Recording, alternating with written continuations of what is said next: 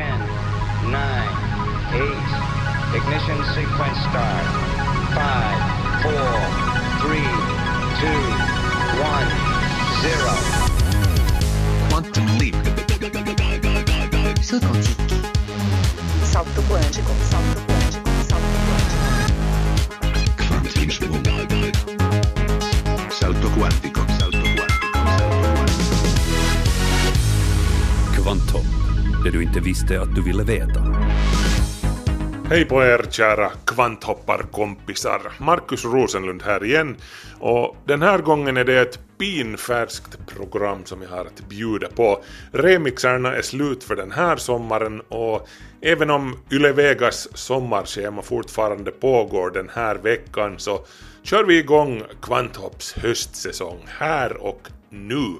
En liten tjuvstart med andra ord. Hur som helst hoppas att ni har haft en riktigt skön sommar. Det har åtminstone jag haft. Jag har inte rest någonstans den här sommaren. Eh, men Albert Ernroth, han har varit ute på vift i Europa och han ska idag ta oss med till den anrika gamla porslinsstaden Meissen i Tyskland, som var det första stället i Europa där det tillverkades porslin. Där bekantade han sig bland annat med Johan Joakim Kendler, en av Meissen-porslinets stora mästare. Kendler arbetade i drygt 30 år i Meissen och är rokokostilens främste företrädare när det gäller porslin. Kendler formgav de första stora matserviserna som blev tongivande faktiskt ända in i modern tid och det ledde till att även borgare började äta på porslin. Så ska det handla om hjärngymnastik. Visste du vilken som är den absolut bästa hjärngymnastiken?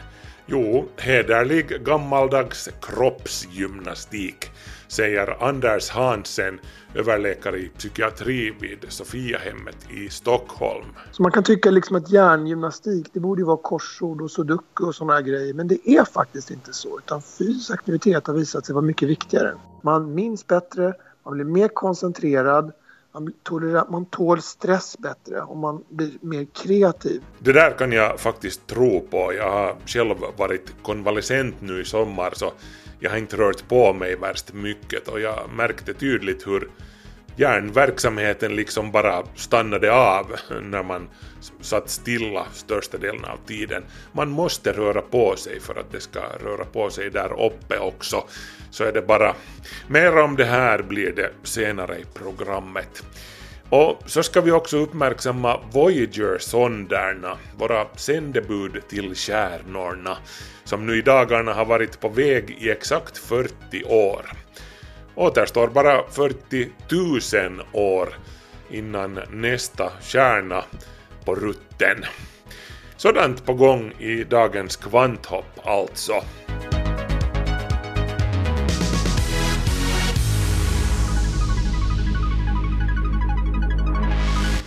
Kvanthopp snabela yle.fi.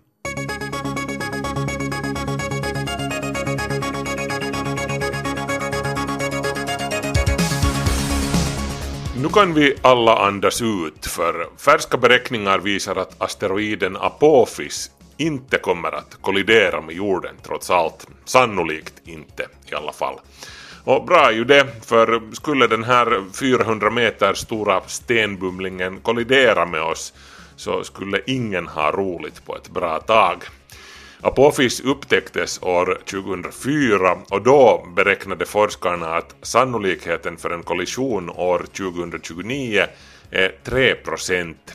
An eftersom beräkningarna finslipades kom man fram till att åtminstone 2029 så blir det ingen kollision. Nu har NASA-forskaren Paul Chodas gjort nya beräkningar längre fram i tiden.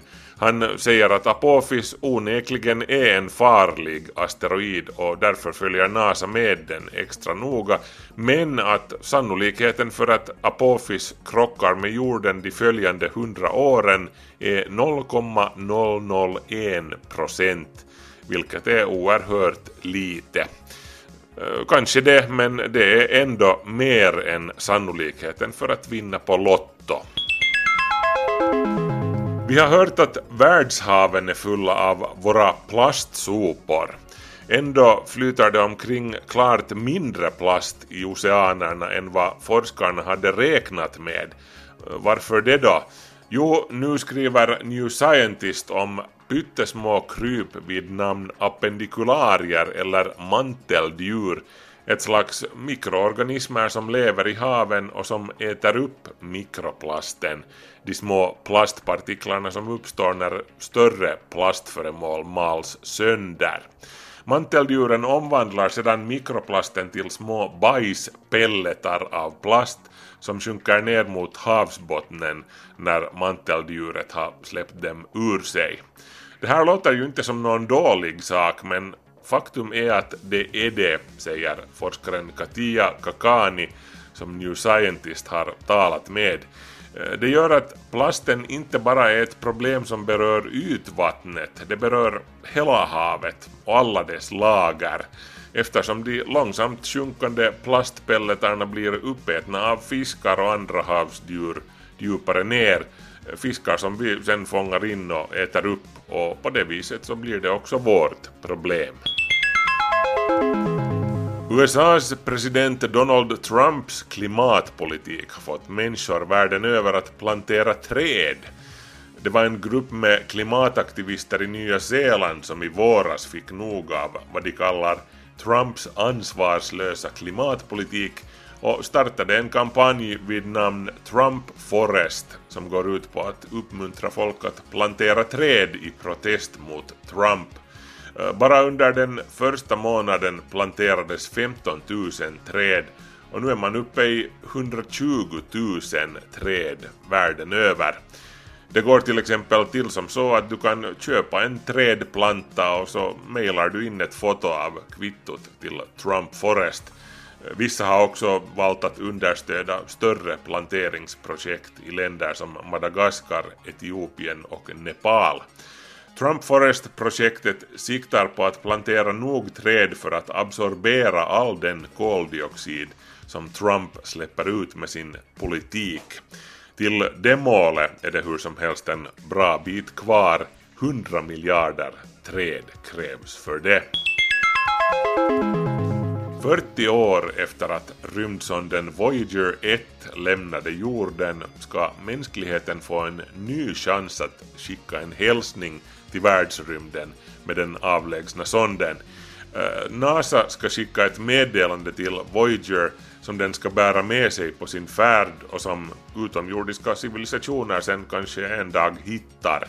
Utöver den gyllene skiva med ljud från jorden som Voyager redan bär med sig. Men nu ska ett nytt digitalt meddelande skickas till Voyager 1 och då har NASA bett allmänheten om hjälp. Så har du en hälsning till evigheten som ryms inom 60 tecken, skicka den då till NASA. Så här lyder den svenska astronauten Christer Fuglesangs hälsning till rymden enligt nyhetsbyrån TT. Farväl och minns den jord där liv en gång uppstod. Vi lovar ta hand om den.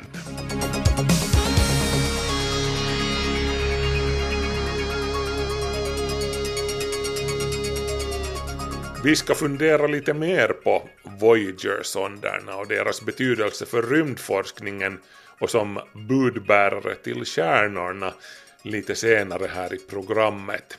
Yle Vega. Majsen är eh, Europas äldsta porslinsvarumärke och otroligt nog har det överlevt alla krig och den kommunistiska DDR-perioden.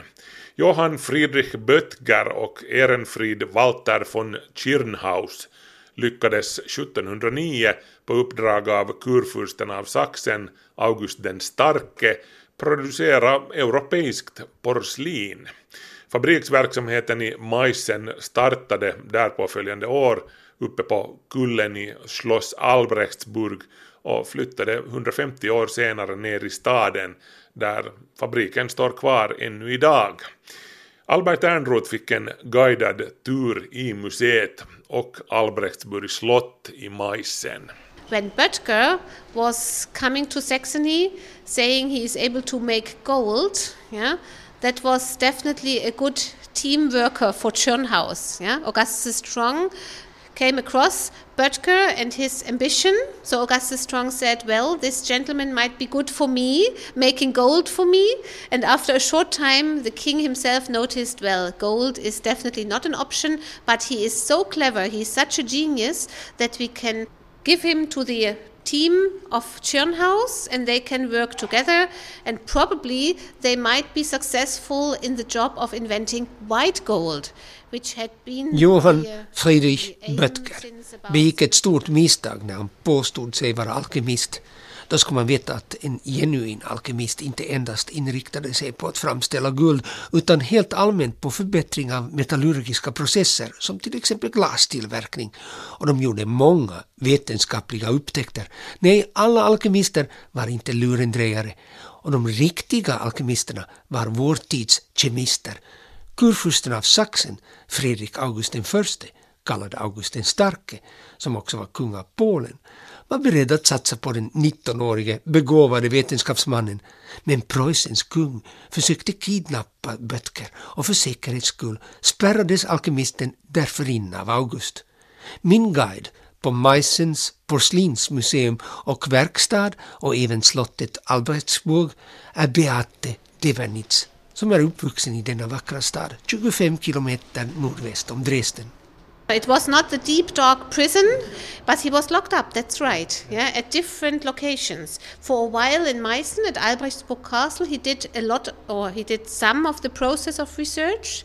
Later, he was at Fortress Königstein, but this was only because of war around. He should have keep kept safe. Yeah. And later on, he was locked in Dresden underneath Böhl's oh, terrace, where the laboratories had been located. And in these laboratories, this team worked, not Böttger alone. Beate berättar att Böttger flyttades runt och han hölls i Königstein för att Karl XII invaderade Sachsen 1706 och svenskarna övervintrade även där. Den kvinnoälskande August, som hade sitt säte i Dresden, var inte en särskilt begåvad fältherre. Men han var fysiskt stark och hade en fantastisk näsa för konst. Han var inte dum heller och begrep snabbt att Böttger skulle misslyckas med guldtillverkningen. Kurfursten hade ett annat projekt på gång som involverade den respekterade naturvetenskapsmannen Ehrenfried Walter von Tschirnhaus. Det nya teamet fick i uppdrag att framställa porslin, det vita guldet. First of all, we have to point out that the porcelain invention was not Böttger's job alone. It's a teamwork. First of all, to mention the name Ehrenfried Walter von Schirnhaus, he started already around or before 1700 to do research how to get high firing temperatures for a long time. Not only raising up the temperature very high, but keep it for a very long time. Yeah? And that is his idea. And he also did very intense research in the paste. Fajans producerades redan under medeltiden i Europa. Det röda eller gula porösa lergodset kan inte hålla vätska men genom att täcka det med ogenomskinlig tennglasyr kan man åstadkomma en effekt som påminner om porslin. Det blådekorerade så kallade Delftporslinet tillverkades i fajans. Men holländarna försökte efterbilda kinesiska porslinsmönster. Holländarna hade nämligen upptäckt porslinets kommersiella värde efter att 1602 och 1604 ha kappat några portugisiska skepp lastade med kinesiskt porslin. Hela lasten såldes på auktion och väckte stor uppståndelse och klubbades för höga priser. Bland förmögna europeiska borgare, aristokrater och kungligheter bröt det ut ett slags porslinsfeber. Efterfrågan var enorm, men européerna kunde inte komma underfund med hur man tillverkade porslin och kineserna vägrade lämna ut den hemliga formeln. Von Tschirnhaus och Böttger gjorde förmodligen 1707 upptäckten att fältspat och framförallt kaolin, en mjuk och mycket plastisk lera, var de viktigaste råmaterialen för att åstadkomma det kinesiska porslinets hållbarhet och fina vita glans. Och kaolin förekommer i saxen. Men i början använde man kolditslera som ger porslinet en rökig vit kulör. Schirnhaus, like his mentor he was, Schirnhaus died. Short, he was much older than Böttger, much, much older.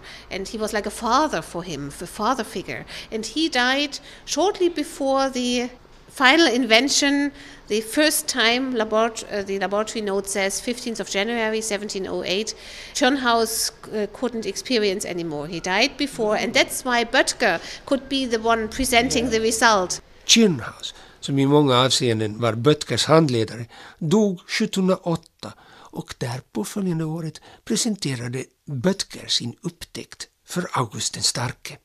Uppfinningen brukar alltså betraktas som Böttgers förtjänst. Men numera vet vi att Tjernhaus roll var minst lika stor, om inte större. Det var han som perfektionerade sintringstekniken. Han experimenterade och fastställde vid vilken temperatur och hur länge lergodset ska hettas upp för att bli porfritt. Han lät konstruera en speciell keramikugn som kunde komma upp till temperaturer som man tidigare aldrig hade uppnått i Tyskland, nämligen ända upp till 1400 grader Celsius. Vid dessa höga temperaturer binds partiklar till varandra och packas tätare. Mindre partiklar löses upp. Porositeten försvinner. Majsen porslin svinner i processen hela 16 procent. No matter how big or how small an object is, you always have this regular shrinkage of 16%. Even with a little symbol or with a large size figure like Ja, the one in the nu ska vi bege oss till Albrechtsburg, 180 det imponerande slottet som tronar över Majsen och erbjuder utsikt mot vinodlingarna längs med floden Elbe. Albrechtsburg Castle is said to be the oldest castle in Germany. In the time of the medieval period, normally fortresses and not castles had been erected, and this was erected here as a noble castle in the late medieval period, 1470 up to 1490, and it was a trendsetter as far as architectural Albrechtsburg elements are concerned, betecknas som Tysklands äldsta riktiga residensslott. Arkitektoniskt blev det imponerande medeltida bygget en förebild för många andra tyska slott. Porslinstillverkningen flyttade in på slottet i juni 1710 och pågick där i drygt 150 år. We are standing in the great court chamber of Albrechtsburg Castle of Meissen. And Albrechtsburg Castle became world famous as the first European porcelain manufactory, which was founded here in this historic building, castle building, on the 6th of June uh, 1710, and which, which was here at this premises until 1864. Idag syns inga tecken på att majsenfabriken en gång i tiden fanns på Albrechtsburg, men utställningen visar vad man sysslade med i de olika slottsutrymmen. Vi beger oss till Johann Joachim Kendlers arbetsrum på slottet. Kendler, som anställdes 1731 av August den starke, är utan vidare den kändaste av Meissens modellmästare. We are now in the second floor of Albrechtsburg Castle in a very small room, which was in former times the office, yeah, on the studio of Johann Joachim Kendler, our most famous designer who ever worked here at Albrechtsburg Castle. He was the head of the so called white department, the department responsible for making the white porcelain later to be decorated. And he Kendler arbetade i drygt 30 år i Meissen och är rokokostilens främste företrädare när det gäller porslin. Kendler formgav de första stora matserviserna som blev tongivande faktiskt ända in i modern tid och det ledde till att även borgare började äta på porslin. Idag är Kendler främst känd för den brylska svanservisen och de stora, numera vita djurskulpturerna och alla tusentals innovativa figuriner som skapade en fantasirik värld i miniatyr. Commedia dell'arte-typer, kärlekspar, herrdinnor, gulliga djur, barn och den populära Affenorkester. Aporkestern som består av ett tjugotal musicerande apor klädda i tidsenlig utstyrsel. Orkestern, som beställdes av en fransman, har möjligtvis ett politiskt budskap är det upplysningstidens revolutionära franska idéer som gestaltas i denna apuppsättning? The most famous of them are the monkey band. Those people who are just conducted are no longer like human beings but like one level lower. When you cannot make your own decisions, somebody is dominating your life by giving all the rules.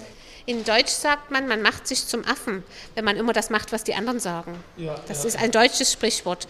Aporkestern har förblivit väldigt populär och den finns i många upplagor. Majsen har i sitt arkiv kopior på nästan alla föremål man någonsin har producerat och därför kan man kopiera dem i all oändlighet.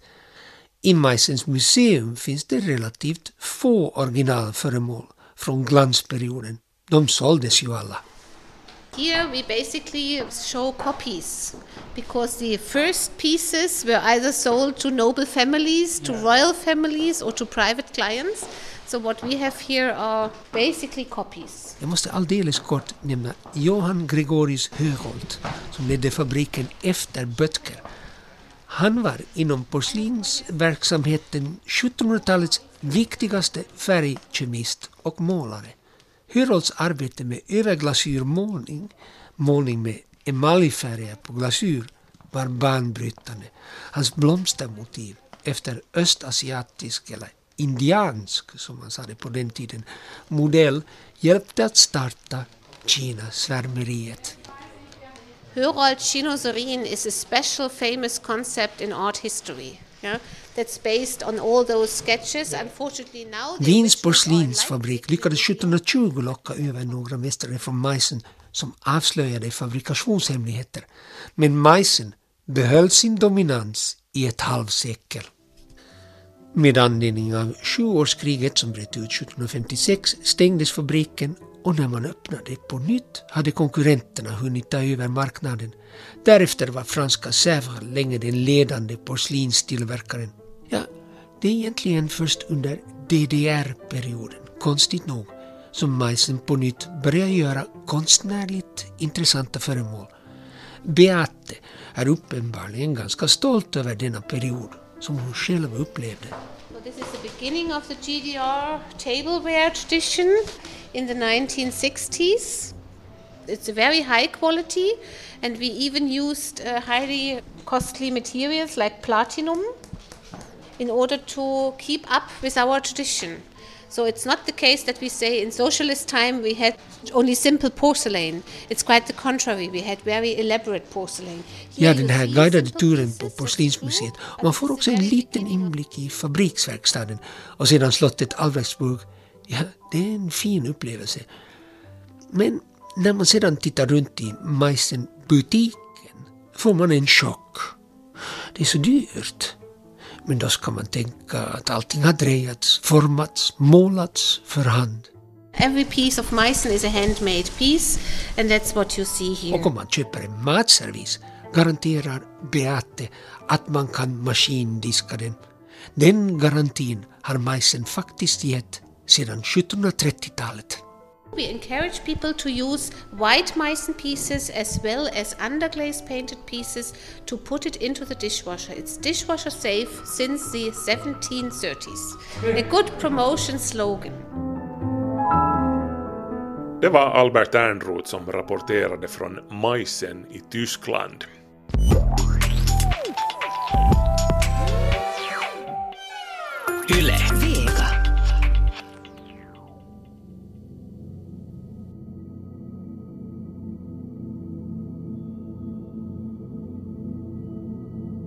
Sprintrar i all ära, men det har alltid varit någonting speciellt med långdistanslöpare.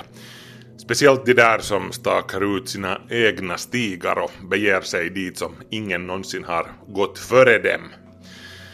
Alltid behöver dessa maratonlöpande upptäcktsresande inte ens vara människor. NASAs rymdsonder, tvillingarna Voyager 1 och 2, är två lysande exempel på det här. Och ingen kommer ens nära dem mätt i tillryggalagd distans. 40 år efter att de lämnade jorden är de längre borta hemifrån än någon eller någonting, varken människa eller maskin, har varit före dem. Månen är inte ens ett ynka stenkast i jämförelse. Så långt ute i rymden är Voyager-tvillingarna att varje liten signal som de skickar hem tar mer än 19 timmar på sig att nå jorden, trots att signalerna rör sig med ljusets hastighet, 300 000 kilometer i sekunden.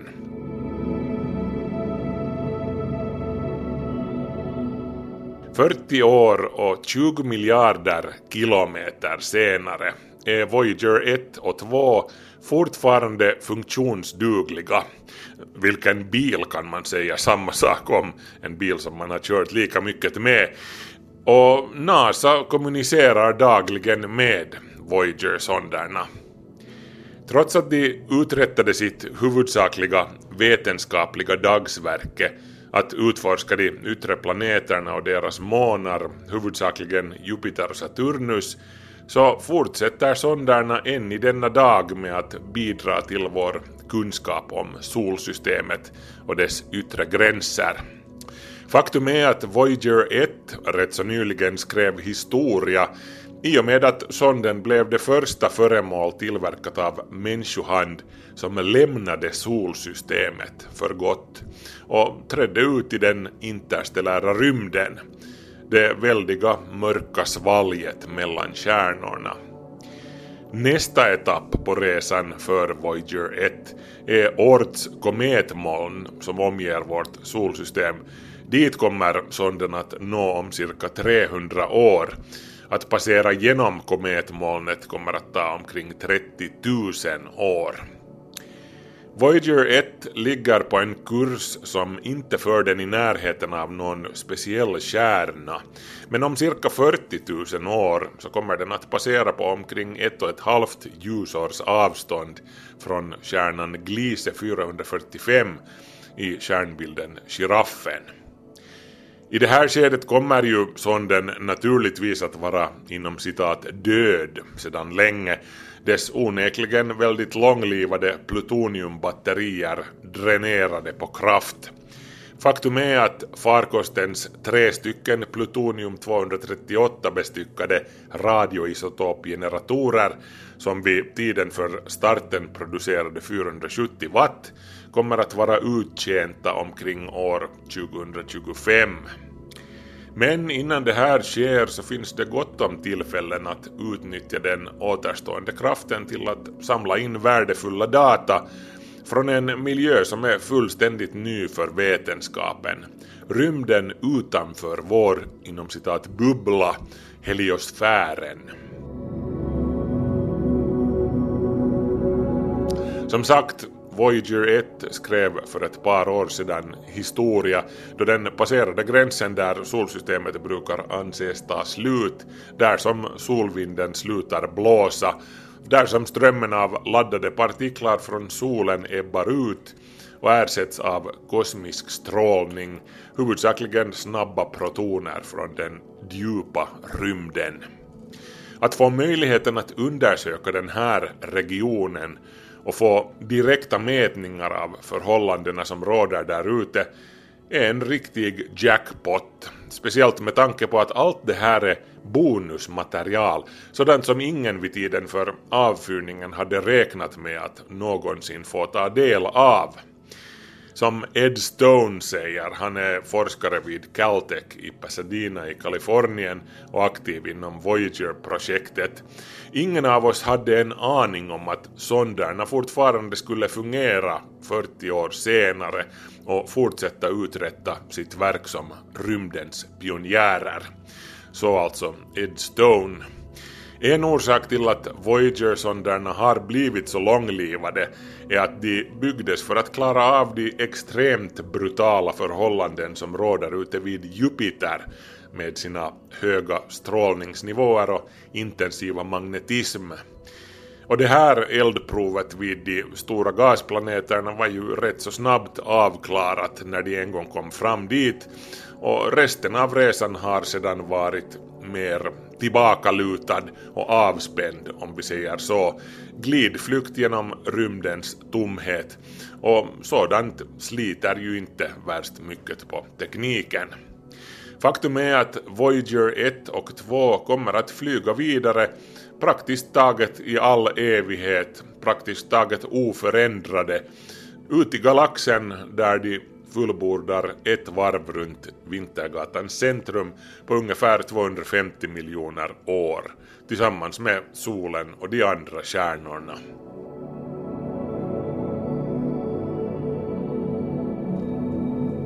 Faktum är att Voyager-sonderna och den övriga handfull av sonder som är på väg ut ur solsystemet just nu kan komma att bli det enda som återstår av den mänskliga civilisationen en vacker dag, miljarder år in i framtiden, då solen har svällt upp till en röd jätte och slukat de inre planeterna här i solsystemet, inklusive jorden.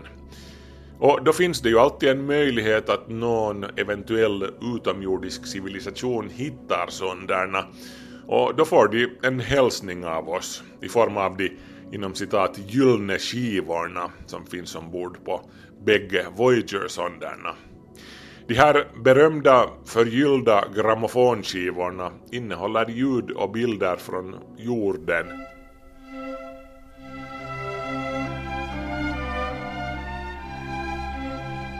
inklusive musik av Mozart, Beethoven, Blind Willie Johnson och Chuck Berry bland andra. Astrofysikern Carl Sagan som ledde kommittén som beslöt om skivornas innehåll ville ha med Beatles låt Here Comes the Sun men skivbolaget EMI som innehade låtens copyright de sade nej. Here comes the sun, I say, it's alright. Sagan fick också kritik av vissa för inkluderandet av Chuck Berrys låt Johnny B. Good som ansågs vara barnslig. Men Sagan bemötte kritiken med att konstatera att det bara är rättvist för det finns en mängd barnsligt folk på vår planet. Go, go!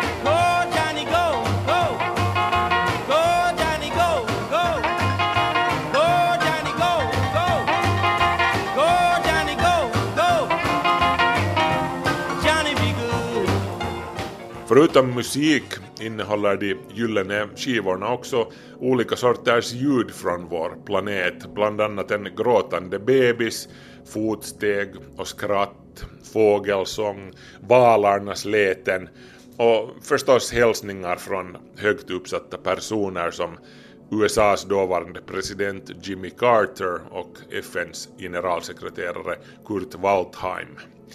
Däremot fick utomjordingarna den här gången klara sig utan skisser av en naken man och en kvinna i stil med dem som fanns med på den gyllene plakett som satt på rymdsonderna Pioneer 10 och 11 något som skapade en smärre skandal och upprörde folk, speciellt i konservativa kretsar i USA.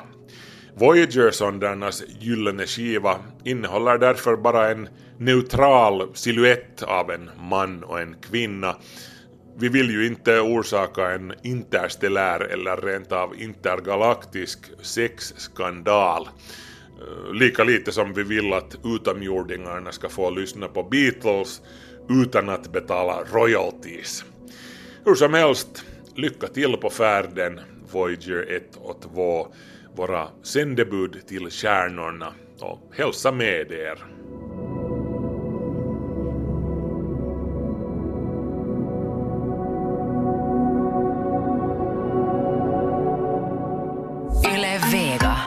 Tankenötter och all sorts hjärnträning är ju förvisso bra, men om du motionerar regelbundet så ökar du ditt minne, din koncentration, din stresstålighet och din kreativitet. Det här visar modern forskning. Anders Hansén, överläkare i psykiatri vid Sofiahemmet i Stockholm, Så man kan tycka liksom att hjärngymnastik det borde ju vara korsord och sudoku och sådana grejer men det är faktiskt inte så utan fysisk aktivitet har visat sig vara mycket viktigare. Hansen har tittat närmare på flera vetenskapliga studier om träningens positiva effekter på hjärnan i samband med att han skrev en bok på det här temat. Hjärnan är betydligt mer modellera än porslin så att säga. Den är mycket mer formbar än vad vi har kunnat tro även hos vuxna människor, även gamla människor. Hansen säger att hjärnan faktiskt verkar vara det organ i kroppen som förändras och förstärks allra mest av att man är fysiskt aktiv. Man minns bättre, man blir mer koncentrerad, man, tolerar, man tål stress bättre och man blir mer kreativ. Det här har forskare alltså kunnat se när de har studerat människor som har gjort tester för minne, kreativitet, koncentration och annat. Försökspersonerna presterar markant bättre på testerna efter att ha rört på sig. Hansen beskriver det som en ren mental uppgradering. Hade det varit en ett tablett som hade kunnat ge den effekten, då hade det varit oerhört hårt marknadsfört. Då.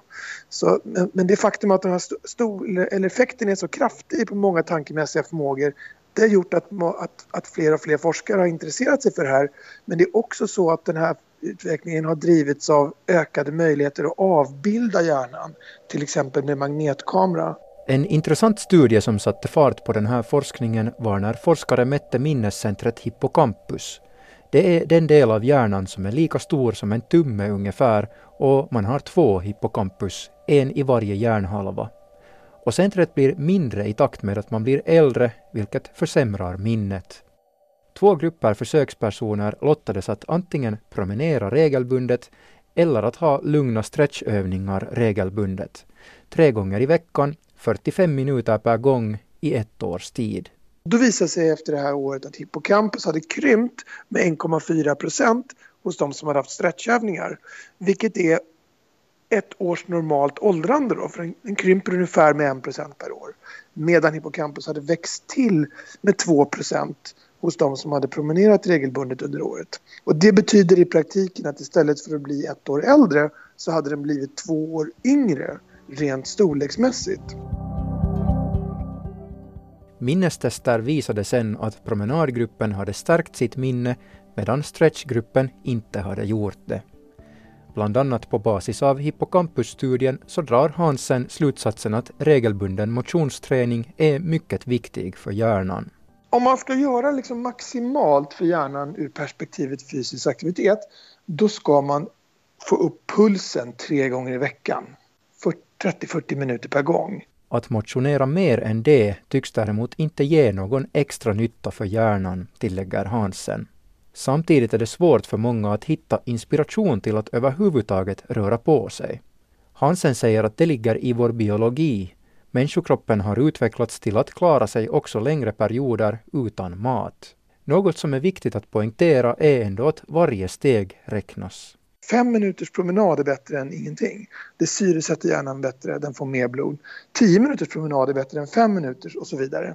Ytterligare en förklaring till motionens hälsonytta för hjärnan är att det var viktigt för den förhistoriska människan att vara skarp i samband med jakt. Så i ett evolutionärt perspektiv så är det egentligen inte så konstigt att evolutionen har slipat hjärnan på ett sådant sätt som, så att den stärks av fysisk aktivitet. Också kreativiteten påverkas alltså positivt av motion. Det har bland annat forskare vid Stanford-universitetet i USA visat. De lät studenter göra kreativitetstester efter att ha promenerat. Så jämförde de det med studenter som gjorde samma test efter att ha varit i vila. Och då såg man att de som hade promenerat hade mer än 50% bättre resultat timmen efter promenad. Och det är egentligen helt ofattbara siffror. Överläkare Anders Hansen preciserar ändå att effekten på kreativiteten är kortvarig och verkar hålla i sig i maximalt ett par timmar. Flera studier har dessutom visat att koncentrationen ökar samtidigt som man rör på sig eller en tid efter att man har gjort det. Barn kan få den positiva effekten snabbare än vuxna. Och då har man faktiskt kunnat visa att bara 5-6 minuters intensiv rörelse hos barn gör att de blir mer koncentrerade och presterar bättre på tankemässiga tester. Svenska forskare i Malmö har kommit fram till att extra gymnastik i lågstadiet gör att barn kan bli bättre på matematik och modersmål. En studie från Nebraska i USA visade också att barn med bättre kondition ofta fick bättre resultat i matematik. Så jag tycker att en slutsats av det är att skolgymnastik, det handlar inte om att man ska bli bra på en sport utan skolgymnastik handlar om att man ska bli bra på matte och, och, eh, och finska eller matte och svenska. Eh, I grund och botten så handlar det om att man ska förbättra förutsättningarna att bli bra på matte och svenska eller finska. Det handlar ändå inte bara om gymnastiktimmar eller till exempel det som sker på gymmet, utan också om vardagsmotion. Cyklar man till skolan eller jobbet eller tvingas skolbarn lämna in mobilen på rasten för att gå ut och leka. Hansen lyfter dessutom fram att fysisk aktivitet är mycket viktig för att bli mer tolerant mot stress. Det reglerar ner aktiviteten i kroppens stresssystem och det systemet det gör att ett hormon som heter kortisol släpps ut och kortisol är kroppens viktigaste stresshormon. Genom att vara fysiskt aktiv lär man alltså kroppen att inte reagera så starkt på stress. Tester har visat att skolbarn som var mer fysiskt aktiva klarade av stressiga situationer betydligt bättre än de som varit mindre aktiva. Och det är liksom tänkvärt i en tid där vi utsätts för väldigt stark stress på många sätt, både i skolan och arbetslivet, att fysisk aktivitet är oerhört viktigt för att öka vår tolerans mot stressen. Regelbunden intensiv motion, till exempel löpning tre gånger i veckan i 45 minuter, minskar också risken för depression och flera andra psykiska problem, påpekar Hansen. Och man har också kunnat visa att fysisk aktivitet är lika effektivt faktiskt som antidepressiv medicinering, alltså medicin mot depression. Det är ändå viktigt att alltid konsultera sin läkare först innan man gör eventuella förändringar i sin medicinering. Och det är naturligtvis också så att det inte är antingen medicin eller fysisk aktivitet utan ofta är kombinationen den allra bästa. Rent konkret så är orsaken till att hjärnan fungerar bättre efter motion bland annat bättre blodtillförsel. Då får hjärnan mer syre och näring. Hjärnan kan få en femtedel mer blod när man promenerar eller springer jämfört med när man är i vila. På lång sikt vet man att det händer mycket mer. Bland annat börjar hjärnan producera mer av proteinet BDNF som stimulerar till ökad nervcellsöverlevnad och som bland annat är viktigt för minnet och inlärningen och när man ska återhämta sig från depressioner. Dessutom är proteinet bra mot ångest och stress. Det här har en enorm eh, mängd positiva egenskaper och det skyddar hjärncellerna kort och gott. Och det finns inget sätt att få hjärnan att producera så mycket BDNF, som man har upptäckt i alla fall, som att vara fysiskt aktiv. Hansen säger att det också kan finnas fler mekanismer som inte ännu är upptäckta som förklarar varför fysisk aktivitet stärker hjärnan. När borde man då motionera om man till exempel vill vara vid god hjärnhälsa på dagen, i skolan eller på jobbet? Det är en jättebra fråga och det, det, det, de här kortsiktiga effekterna håller i sig någon eller några timmar. Två, tre timmar kanske, någonstans där.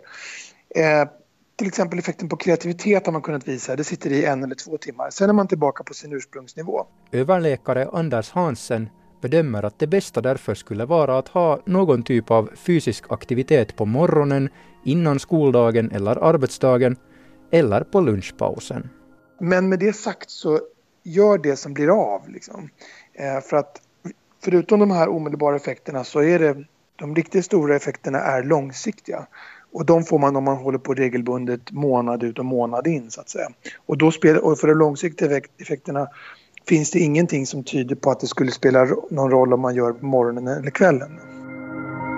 Det var Niklas Fagerström som hade talat med Anders Hansén som är överläkare i psykiatri vid Sofiahemmet i Stockholm.